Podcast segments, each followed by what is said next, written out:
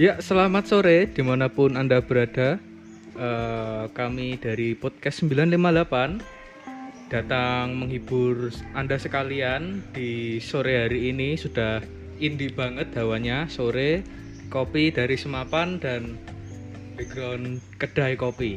Ya, kali ini kita akan berbincang, berdiskusi dengan salah satu narasumber kita mengenai hal yang tidak akan habis dibicarakan. Ada yang bilang ini konspirasi, ada yang bilang ini gejala penyakit wabah yaitu COVID-19. Di samping saya ada narasumber dari Dr. Sony. Selamat sore, Dokter. Selamat sore. Ya. Sore hari ini kita akan mendiskusikan mengenai tentang COVID-19 dan anak-anak PPA. Bagaimana kita bisa beradaptasi, mengenali gejala dan bagaimana kita mengantisipasi dan dalam menghadapi new era ini. Oke, pertama Oke. saya akan tanyakan kepada Dokter Sony sebenarnya Iya. di Gimana?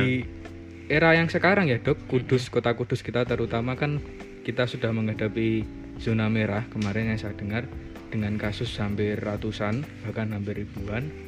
Nah eh, kita juga bimbang mengenai soal pendidikan dan aktivitas mobilitas sehari-hari ekonomi. Jadi apa yang sebenarnya bisa kita lakukan sebagai masyarakat umum ya mobilitas dalam bermobilitas sehari-hari untuk beradaptasi di new era ini? Karena ketika kita melihat kasus semakin kasus Covid semakin marak, semakin banyak ditambah dengan roda perekonomian harus terus berputar yang secara tidak langsung memaksa kita untuk tetap beraktivitas. Jadi membuat kita untuk harus lebih beradaptasi. Nah, ini yang ingin saya tanyakan kepada Dokter Sony. Oke, eh, jadi gini Minghan, untuk zona merah di Kudus kira-kira eh, teman-teman PPA dan juga mungkin orang tua murid dari PPA sendiri tidak perlu khawatir. Eh, asalkan kita bisa melakukan eh, mengikuti pemerintah adaptasi kebiasaan baru, pencegahan dan juga mungkin deteksi dini terhadap faktor-faktor resiko yang berperan terhadap COVID-19 ini sebetulnya. Eh, untuk kita perlu ketahui juga bahwa COVID-19 sebenarnya bukan persoalan rekayasa atau tidak rekayasa, tapi memang ini ada buktinya karena saya sendiri di rumah sakit pun mendapati banyak pasien bukan hanya satu dua atau 50 tapi mungkin bisa ratusan pasien yang memang menderita hanya saja eh, hasil dari pengobatan itu akan bervariasi dari tergantung daripada daya tahan tubuh pasien sendiri kemudian berat ringannya ataupun ada penyakit penyerta atau komorbiditas atau pemberat penyakit COVID-19 tersebut.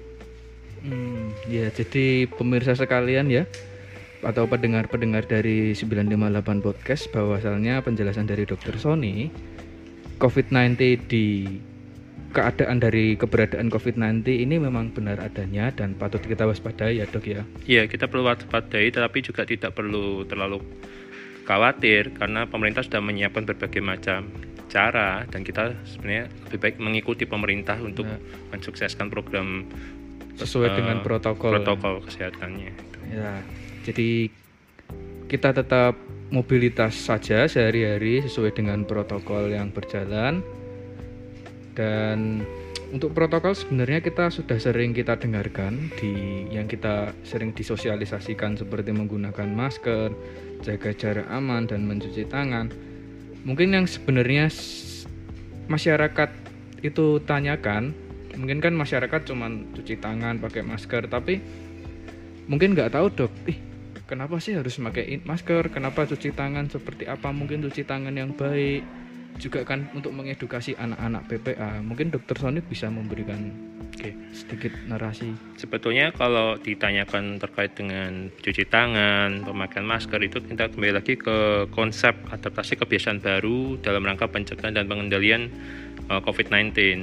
Untuk masker, jadi memang pemerintah sudah mencanangkan eh, baik orang sehat maupun orang yang sakit memang diharapkan untuk memakai masker adalah untuk mengurangi resiko percikan daripada virus COVID-19 ini karena COVID-19 bisa menularkan secara drop- droplet ataupun secara aerosol dan menurut penelitian uh, yang di Cina ataupun WHO menyatakan aerosol sendiri bisa sampai jarak lebih dari 2 meter. Oh. Tapi kita dengan pencegahan memakai masker baik orang sehat maupun orang sakit, kita bisa toleransi dengan jarak 1 meter.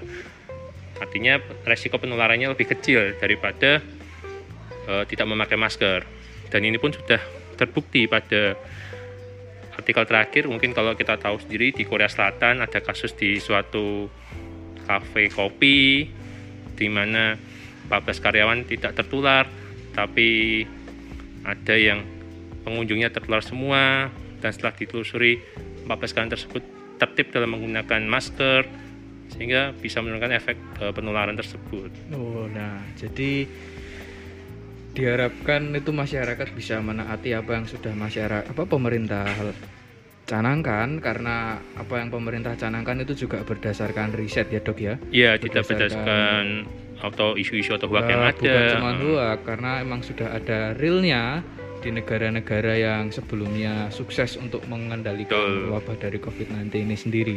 Nah, jadi buat anak-anak PPA terutama bisa ketika keluar rumah atau sepulang dari beraktivitas bisa mencuci tangan, segera men- mengganti bajunya dan menerapkan jaga jarak, social distancing dan lainnya.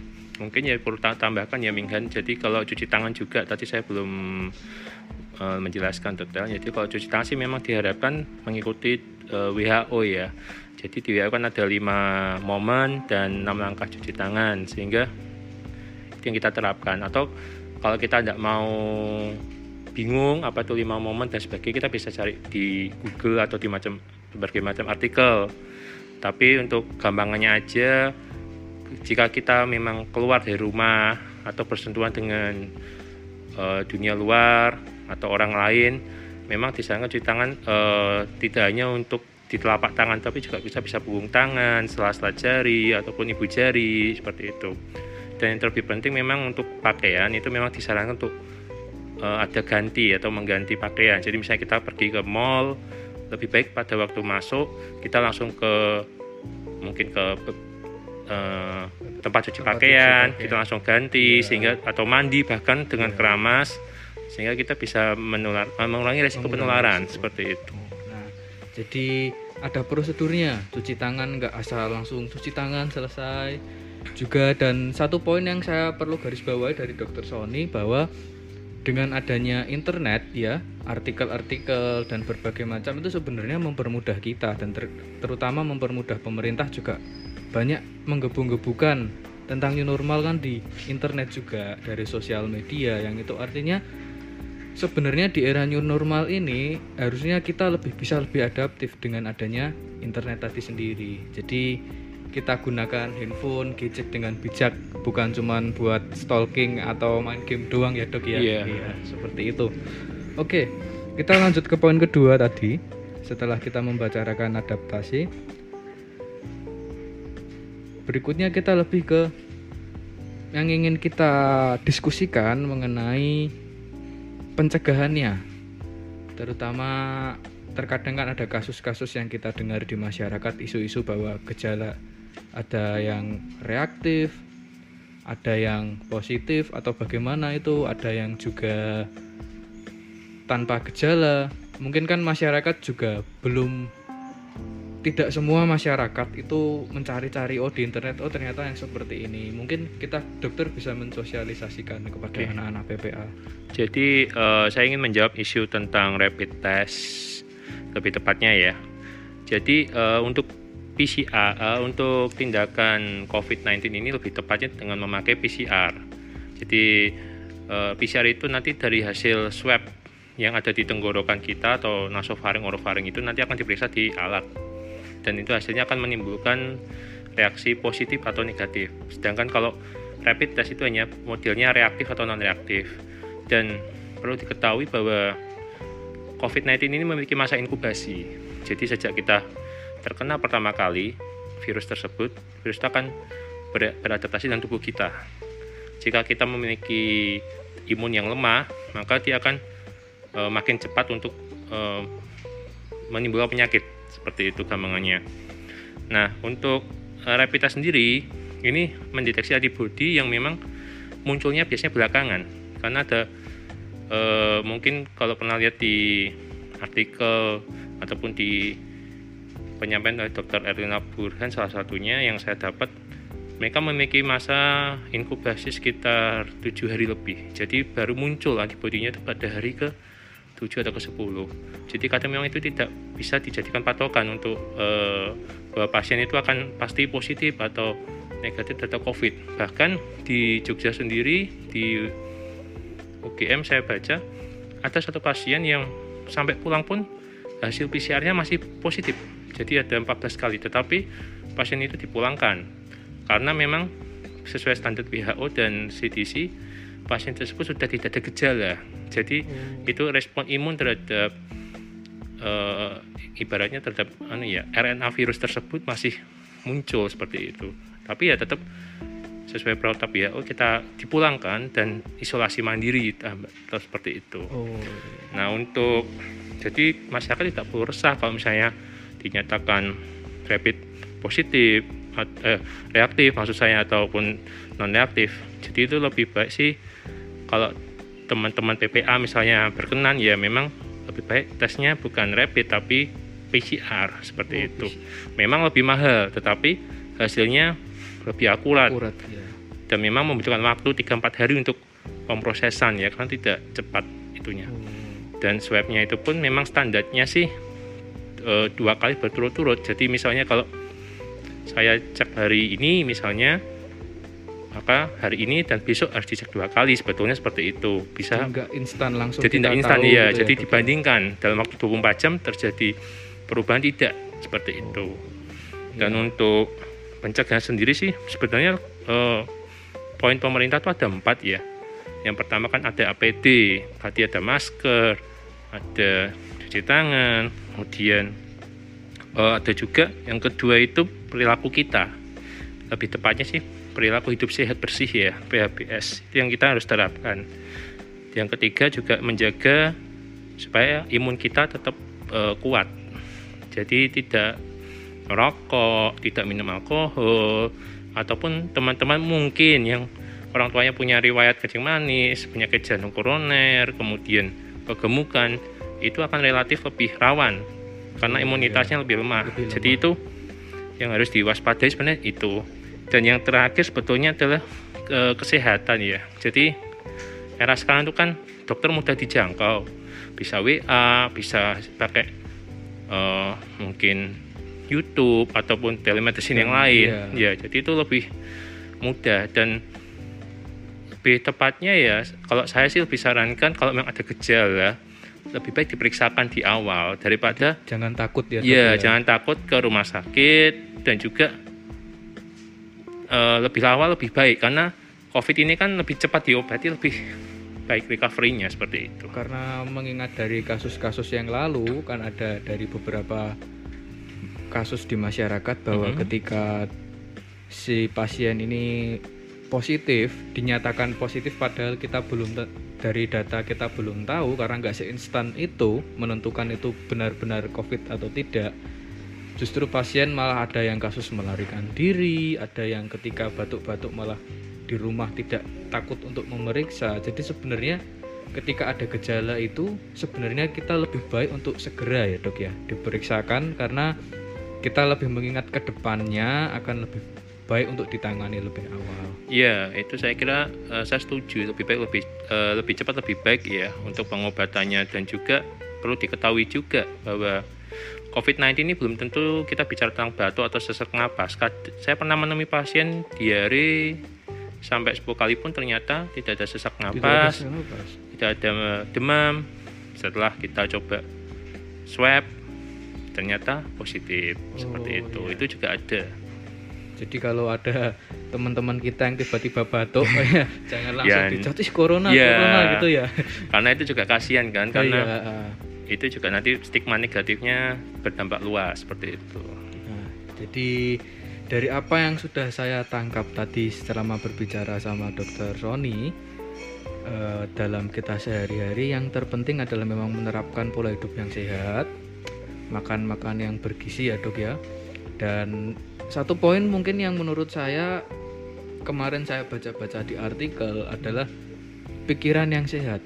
Pikiran yang bahagia yang kita bisa enjoy dengan hidup kita jauh dari ketakut ketakutan khawatir Iya. cemas seperti itu karena bagaimanapun obat hati yang gembira adalah obat Ya, itu saya setuju. Ya, ya. Ya, itu tadi yang kita bicarakan seputar gejala dan mungkin tambahan sedikit ya mungkin kalau teman-teman khususnya anak-anak PPA ya karena banyak yang di bawah umur 15 tahun mungkin ya eh, saya sih lebih menyarankan untuk mengkonsumsi banyak vitamin C ya. Vitamin C itu bisa yang bisa bentuk vitamin pil ataupun mungkin dalam bentuk buah seperti jeruk atau anggur dan sejenisnya yang mengandung vitamin C. Tentunya saya kira banyak di artikel-artikel yang kita bisa baca. Karena vitamin C memang sudah atau vitamin D bahkan vitamin D pun bisa kita dapat melalui matahari pagi antara jam 8 sampai jam 10 itu juga bisa meningkatkan imunitas Oh. jadi kalau saya sih lebih sarankan lebih yang alamiah dulu baru nanti kalau memang tidak berhasil ya baru bisa berobat ke dokter seperti itu Oke, itu tadi yang kita bicarakan. Berikutnya mungkin juga saya ingin tanya dok, semisal mungkin saudara kita berkaitan masih soal tadi ya, soal mungkin ada tanda-tanda bahwa saya batuk. Ya. Kan kita belum tahu batuk ini, oh ini batuk batuk cuman batuk flu atau ada peluang menuju ke COVID tadi. Ini juga ingin saya tanyakan kemarin beberapa teman-teman juga ingin bertanya bagaimana kita menyikapinya dok apakah kita oh ini anggota keluarga saya ada yang batuk nih demam kita segerakan untuk ke rumah sakit tapi kan kita lihat tahu bahwa di rumah sakit sendiri bahwa menerapkan jangan ke rumah sakit dulu kalau penyakitnya tidak begitu berkepentingan untuk ke rumah sakit itu yang kemarin saya juga dengar jadi dari dokter Sony yang memang sehari-harinya berkecimpung di dunia medikal dan di rumah sakit ini mungkin bisa memberikan penerangan kepada kami kami yang mungkin memang awam di dunia kesehatan seperti itu. Jadi kalau misalnya kita ada saudara batuk ataupun teman batuk dan itu satu rumah, yang pertama tetap kita PHBS ya perilaku hidup sehat. Artinya gini, yang sakit pun harus eh, bersedia memakai masker. Karena sebenarnya tanpa COVID pun WHO pun sudah menyarankan bahwa kalau kita batuk atau influenza pun disarankan memakai masker. Karena bagaimana menularkan virus ya seperti itu. Yang kedua eh, ya lebih baik memang kita bawa ke dokter ya. Dalam arti tidak harus ke rumah sakit. Dokter kan cukup banyak. Ada yang praktek rumah ada yang telemedicine. Dari sana kan nanti akan pasti dilakukan anamnesa kira-kira ini mengarah ke masih ringan atau ke sedang. Karena kan COVID-19 sendiri gejalanya banyak. Jadi tidak bisa kita melihat satu orang ini batuk pasti COVID seperti itu. Ada faktor-faktor penyerta lain seperti eh, pola napasnya cepat kemudian tanda-tanda adanya kadar oksigennya mulai menurun kemudian ada juga yang lemes atau fatigue seperti itu ada bahkan yang seperti gejala TB ada yang demam naik turun Oh. seperti itu ada yang trombositnya turun. Jadi kan dokter juga pasti akan melakukan anamnesa ataupun gampangnya di screening ya. Dianalisa Nah, terlebih dianalisis dahulu. dahulu secara gejala dan pemeriksaan fis, eh, tanda-tanda yang ada kemudian baru diarahkan. Kalau memang nanti mengarah harus melakukan pemeriksaan fisik saya kira kan harus hadir ke rumah Hadir ke sakit rumah untuk untuk dilihat kan. Dan yang terlebih penting biasanya kan dokter juga akan tahapannya foto paru ya untuk melihat kondisi parunya seperti apa Oh juga ada harus foto baru. Ya, jad- dan yang terpenting sekali sih tidak semua rumah sakit mem- membuat rapid itu sebagai standar. Jadi ada juga rumah sakit di wilayah Kudus Pati ini juga ada yang tidak menggunakan rapid sebagai standar utama. Jadi Berarti- dari gejala anamnesa, kemudian dari pemeriksaan fisik, ada juga terus kemudian pemeriksaan radiologi itu lebih akurasinya lebih tinggi daripada eh, rapid test seperti itu. Karena sendiri saya, saya sendiri mendapati banyak yang rapidnya non reaktif ternyata positif Oh seperti itu. berarti berbeda ya. Ya, jadi tidak bisa kita melakukan stigma yang atau meratakan semua opini ya bahwa rumah sakit pasti akan melakukan rapid test. Tidak, ada rumah sakit yang datang diperiksa, kemudian oke bu ini kita cek darah rutin, foto paru, kemudian ada juga mungkin CT scan paru, baru mengarah ke swab ataupun swab, kemudian bisa melakukan diagnosa COVID, COVID. seperti itu. Iya, jadi ada banyak cara ya dok yang Iya. bisa dilakukan dan yang paling penting adalah konsultasi sebenarnya. Karena konsultasi sendiri nggak harus kita datang ke rumah sakit. Iya. Bisa kita mungkin dari dokter keluarga yang memang kita sering periksa kita hubungi lewat WhatsApp atau Iya. mungkin pasti ada layanan COVID-19 dari pemerintah itu Betul. sendiri dari website-website resminya bisa pemirsa kunjungi. Iya. Nah, oke berikutnya dokter mungkin untuk sedikit tambahan di penghujung podcast pada sore hari ini, mungkin dokter Sony bisa memberikan pesan atau mungkin sedikit arahan buat penonton-penonton 958 podcast atau pendengar 98 podcast ini di era new normal karena dari dunia medis sendiri mungkin punya sedikit unek-unek atau keluh kesah yang ingin disampaikan kepada pemirsa sendiri jadi mungkin dari sini saya bisa menjembatani dokter untuk bercerita atau menyampaikan pendapat dari Ya ini mungkin sekaligus me- meluruskan mungkin opini atau huak-huak yang sering kali muncul di sosial media yang ada. Yang pertama sih memang saran saya untuk menjaga kesehatan tubuh atau imunitas. Ya melalui satu tadi PHBS ya perilaku hidup bersih sehat, melalui cuci tangan, selalu memakai masker ketika kita bersentuhan dengan dunia luar. Kemudian tidak makan sembarangan artinya gini eh, apakah kita boleh jajan pasti boleh jawabannya tapi yang bersih yang bersih dan memang kalau bisa eh, lebih baik sih posisi panas ya. Jadi kalau misalnya ada bakso misalnya kita mau jajan bakso yang lebih baik itu berkuah dan nanti bisa direbus lagi di rumah. Oh iya. Sehingga memungkinkan untuk virus berkembang biak agak kecil seperti itu. Meminimalkan. Minimalkan ya. Jadi tidak bukan tidak boleh jajan ya tapi sebenarnya boleh tapi mungkin dibungkus lebih baik tidak makan di tempat. Itu lebih aman. Kemudian untuk teman-teman mungkin ada yang orang tuanya memiliki penyakit kronis seperti diabetes jantung koroner kemudian mungkin gangguan ginjal itu lebih baik meng- lebih ketat dalam perilaku hidup bersih sehatnya. Termasuk mungkin kalau makan itu juga menjadi sarana penularan virus sebetulnya. Kemudian yang ketiga ya olahraga ya ataupun berjemur dengan di pagi hari yang dengan vit, eh, sinar matahari banyak mengandung vitamin D di jam-jam di tertentu jam ya, tertentu Dok? ya. Heeh, mungkin dari jam 8 pagi sampai jam 10 jam 11 ya. Estimasi jam segitu. Kemudian banyak konsumsi buah yang mengandung vitamin C. Seperti terus kalau memang ada keluhan dikit lebih baik sih konsultasi langsung ya daripada membeli obat sendiri tapi tidak tahu eh, arahnya ke mana seperti itu. Terus kalau untuk huak misalnya dokter mengcovidkan mungkin. Ke yang nah lagi diperbincangkan hangat ini diperbincangkan konspirasi eh, atau konspirasi. enggak? Eh, kan kadang sebetulnya ya itu tidak tepat juga ya karena untuk menimbulkan untuk menimbulkan diagnosa COVID itu kita tidak mudah karena harus menunggu hasil swab. Mungkin sering kali itu hasil swabnya masih dalam proses dan kebetulan mungkin pasiennya memang sudah fasenya parah sehingga eh, hasil belum jadi tapi pasien sudah meninggal dunia itu yang sering kali terus didiagnosa sebagai oh pasti COVID padahal kita sebagai medis mengatakan belum tentu COVID cuman dalam eh, era seperti ini memang pemerintah kalau memang ada gejala ataupun misalnya fisik dan penunjang yang mengarah ke sana memang lebih baik kita mengikuti protokol COVID seperti itu dan dimakamkan di makam khusus kalau Covid makam khusus. COVID tidak ada ya Tidak tapi ada ya?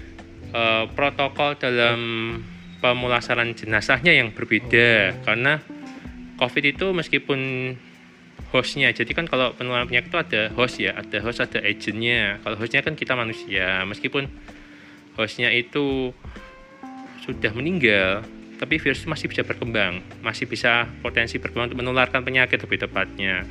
Nah itu kan nanti juga akan di di- ditutup dengan beberapa lapis ya pemerintah sudah memiliki protap untuk pemulasaran jenazah dan tentunya itu sudah disahkan oleh berbagai macam organisasi profesi seperti itu nah saya kira sih ada baiknya kita mendukung supaya rantai penularan covid ini cepat terputus iya eh, itu yang menjadi isu yang terhangat seperti ini Oh, iya. Mm-mm.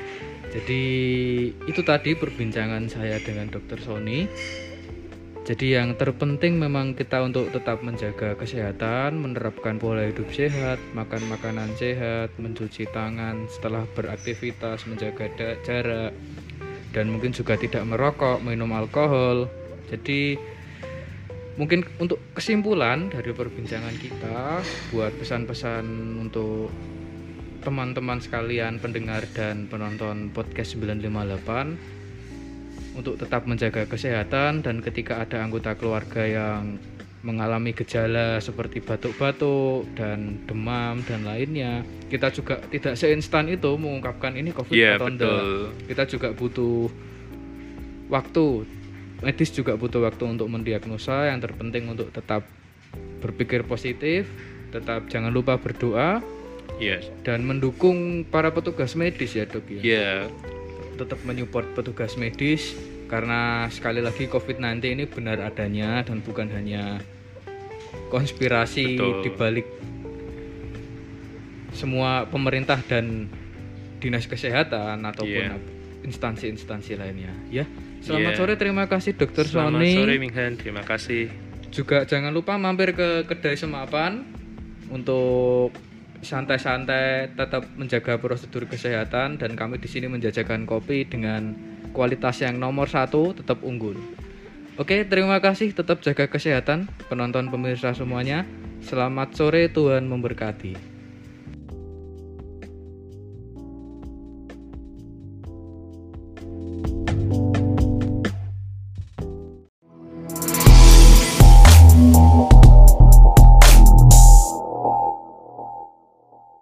Halo Bapak Ibu semuanya, bagaimana kabarnya?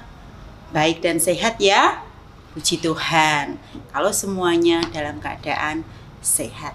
Nah, Bapak Ibu, sekalipun saat ini masih pandemi, tetapi tetap semangat ya. Memang rasanya bosan, tapi saya berharap Bapak Ibu tidak merasa bosan. Nah, di dalam pertemuan saat ini untuk merefresh tentang perlindungan anak kali ini saya menyampaikannya hanya lewat daring atau online karena saat ini kita tidak bisa bertatap muka. Nah, sekalipun demikian, saya berharap Bapak Ibu tetap memiliki sesuatu yang memberikan uh, motivasi kepada anak. Ya, motivasi-motivasi yang baik kepada anak supaya anak tetap mengingat apa yang harus dilakukan di masa pandemi ini. Ya, contohnya ya, memotivasi dan mengajarkan sesuatu yang baik membaca Alkitab, tetap belajar. Ya, saat ini apalagi sedang uh, penilaian akhir semester. Jadi Bapak Ibu tetap semangat untuk mengajarkan kepada mereka supaya mereka juga melakukan hal-hal yang baik. Itu yang harus kita lakukan sebagai orang tua. Namun, Bapak Ibu, jikalau anak kita sedang malas ataupun ya rasanya lenggat-lenggot ke sana ke sini untuk tidak melakukan apa yang kita minta. Janganlah kita langsung melakukan tindak kekerasan. Kasihan mereka. Sekarang ini sudah merasa bosan dan mungkin mereka tidak bersemangat, apalagi ditambah dengan kekerasan yang kita lakukan. Contohnya, mungkin kita terus ambil sesuatu yang bisa untuk memukul atau melalui mulut kita, kita akan mengata-ngatai anak-anak kita.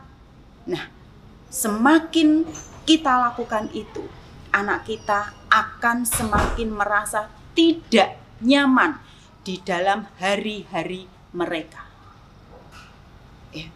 Jadi kita harus ingat, di sini saya mengingatkan, ada beberapa tindak kekerasan yang harus kita hindari dan itu tidak boleh kita lakukan di dalam kehidupan kita. Ya, ada contohnya kekerasan fisik. Misalnya kita memukul, kalau anak kita tidak mau belajar, kita pukul atau kita cubit, itu dilarang.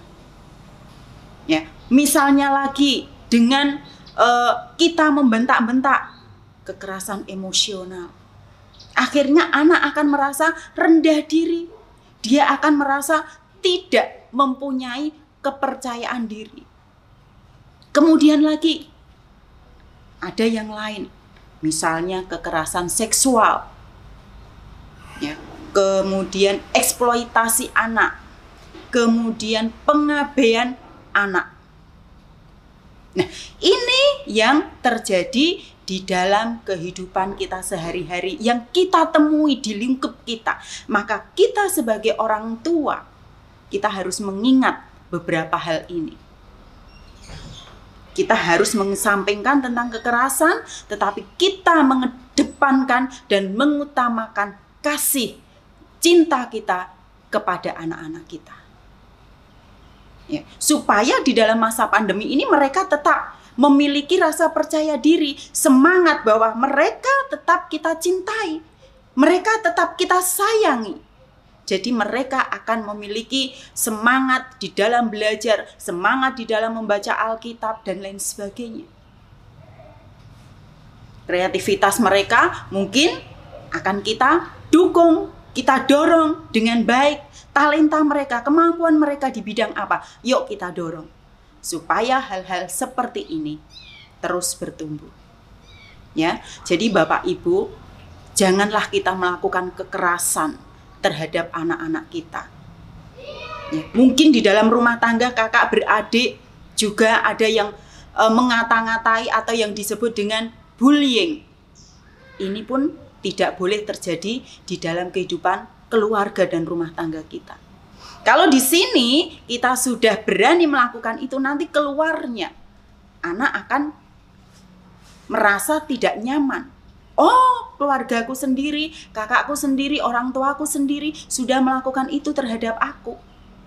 Bagaimana dengan orang lain? Maka kasih sayang itu muncul dari diri orang tua. Kita berikan kepada anak-anak. Jadi kekerasan harus, harus dan seharusnya kita hindari di dalam kehidupan rumah tangga kita. Nah, sekalian kita menanamkan jiwa kasih sayang yang kita tumbuhkan kepada mereka juga. Ya. Makanya hari ini saya kembali mengingatkan tentang kekerasan. Ya, jangan terjadi dan jangan kita lakukan bagi anak-anak kita. Motivasi yang seperti saya katakan di atas tadi, memotivasi anak dengan baik, memberikan sesuatu yang terbaik untuk mereka. Ya. Kalau anak-anak misalnya memotivasi, diajarkan yang baik, menceritakan sesuatu yang baik. Oh, anak-anak diajarkan, nak yang masih kecil-kecil, mainan ditaruh sehabis bermain. Sekali belum, dua kali, dilakukan lagi tiga kali sampai mereka bisa bertanggung jawab dengan baik, memotivasi yang baik. Bukan kalau tidak mau terus kita bentak mereka, itu tidak perlu dan itu tidak penting. Ya. Mengajarkan kepada mereka itu tiap hari terus menerus, terus menerus dan terus menerus supaya mereka sampai mengerti apa yang mereka perlukan dan mereka butuhkan. Misalnya yang besar, nak jangan melihat televisi terus, belajar, sampai mereka tahu kebutuhan mereka. Dengan belajar, mereka akan pinter. Mendapatkan sesuatu apa yang akan mereka capai. Bukan dengan kekerasan, disuruh tidak mau dan lain sebagainya dan lain sebagainya. Bukan seperti itu. Tetapi dengan lembut, dengan kasih sayang. Memang sekarang ini wah rasanya sulit ya mengajarkan kepada anak-anak. Tetapi tidak ada yang sulit bagi kita kalau kita tetap mengajarkan mereka dengan penuh kasih sayang, kita peluk ya. Ini mereka akan tumbuh dan mereka akan mau melakukan apa yang kita ajarkan. Bertanggung jawab. Di masa pandemi ini, kita juga mengajarkan tentang cuci tangan. Ya, cuci tangan, terus pakai masker tiap saat. Bukan hanya di saat-saat tertentu kalau ada petugas kita baru pakai masker di mana kita mau masuk ke kantor misalnya ke PPA tidak hanya itu tapi di saat apa pun kita harus belajar dan kita harus terus-menerus mengajarkan supaya anak-anak tetap pakai masker tapi dengan catatan tadi Bapak Ibu ya jangan sampai kita mengajarkan dengan melakukan tindak kekerasan. Ya, sudah masa pandemi, anak-anak merasa bosan, kemudian bapak ibu melakukan tindak kekerasan. Mereka semakin dan akan semakin down. Mereka akan merasa rendah diri. Ya. Inilah yang harus kita bangun. Ya. Ini yang harus kita lakukan terhadap anak-anak kita. Ya, Bapak Ibu, saya hanya mengingatkan sekedar seperti ini saja lewat daring mengenai tindak kekerasan ataupun tentang perlindungan anak saat ini. Mari kita semua tetap merangkul anak-anak kita dengan penuh kasih sayang, dengan penuh cinta kita yang berdasarkan kasih dari Tuhan kita. Demikian Bapak Ibu, kita tetap mengingat ya, perlindungan anak kita itu ada di tangan kita, dimulai dari keluarga kita. Siap, kita akan memberikan kasih sayang, cinta yang penuh kepada anak-anak kita semua. Terima kasih. Tuhan memberkati semuanya. Tetap sehat, tetap semangat. Amin.